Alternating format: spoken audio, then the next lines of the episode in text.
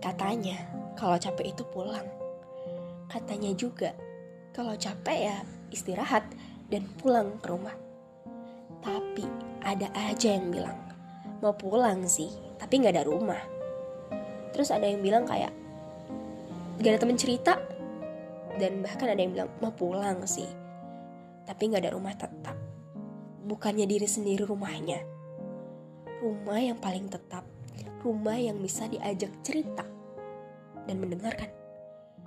Ya, karena diri sendiri adalah tempat pulang paling nyaman. Diri sendiri adalah rumah paling tenang.